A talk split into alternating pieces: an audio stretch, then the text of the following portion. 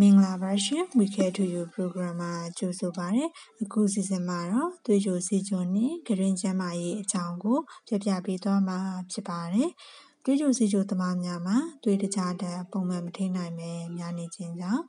ခန္ဓာကိုယ်ရဲ့ရှိသွေးပြူအများအားနဲ့တပါတယ်။တို့အခါဂရင်းထဲမှာနေလေးရှိရဲ့ယောဂပူများစွာကိုကုခံနိုင်ရမရှိတော့ပဲဂရင်းယောဂများခံစားတတ်ပါတယ်။သွေးတကြားတဲ့မြမမှုကြောင့်အားချောက်ခြင်း သွားပိုးစားခြင်း၊ကျောက်သယ်ခြင်း၊သဖုံးယောင်ခြင်းတို့ဖြစ်လေ့ရှိပါတယ်။ထို့အပြင်မှိုရောဂါကြောင့်ဖြစ်တတ်တဲ့မှတ်ခရီးများလည်းပေါ်လာတတ်ပါတယ်။ထို့ကြောင့်သွေးကြိုစီးကျိုခံစားနေရတဲ့သူများမှာသွေးကြားဓာတ်ကိုပုံမှန်ထိန်းဖို့လိုအပ်တယ်လို့မိမိကတွင်ကျန်းမာရေးကိုဂရုစိုက်ဖို့လိုအပ်ပါတယ်။အစားအစာစားပြီးတိုင်းရေဖြင့် ပလုတ်ခြင်းမှာတနေ့အနည်းဆုံးသွားကိုနှစ်ကြိမ်တိုက်ပေးပါ။တနေ့တစ်ကြိမ်သွားကြတဲ့ကိုတန်ရှင်းရင်ပြုလုပ်ပေးပါ။သွားဆရာဝန်နဲ့6လတစ်ကြိမ်သွားနှင်းကတွင်စစ်ဆေးမှုပြုလုပ်ပေးသင့်ပါတယ်။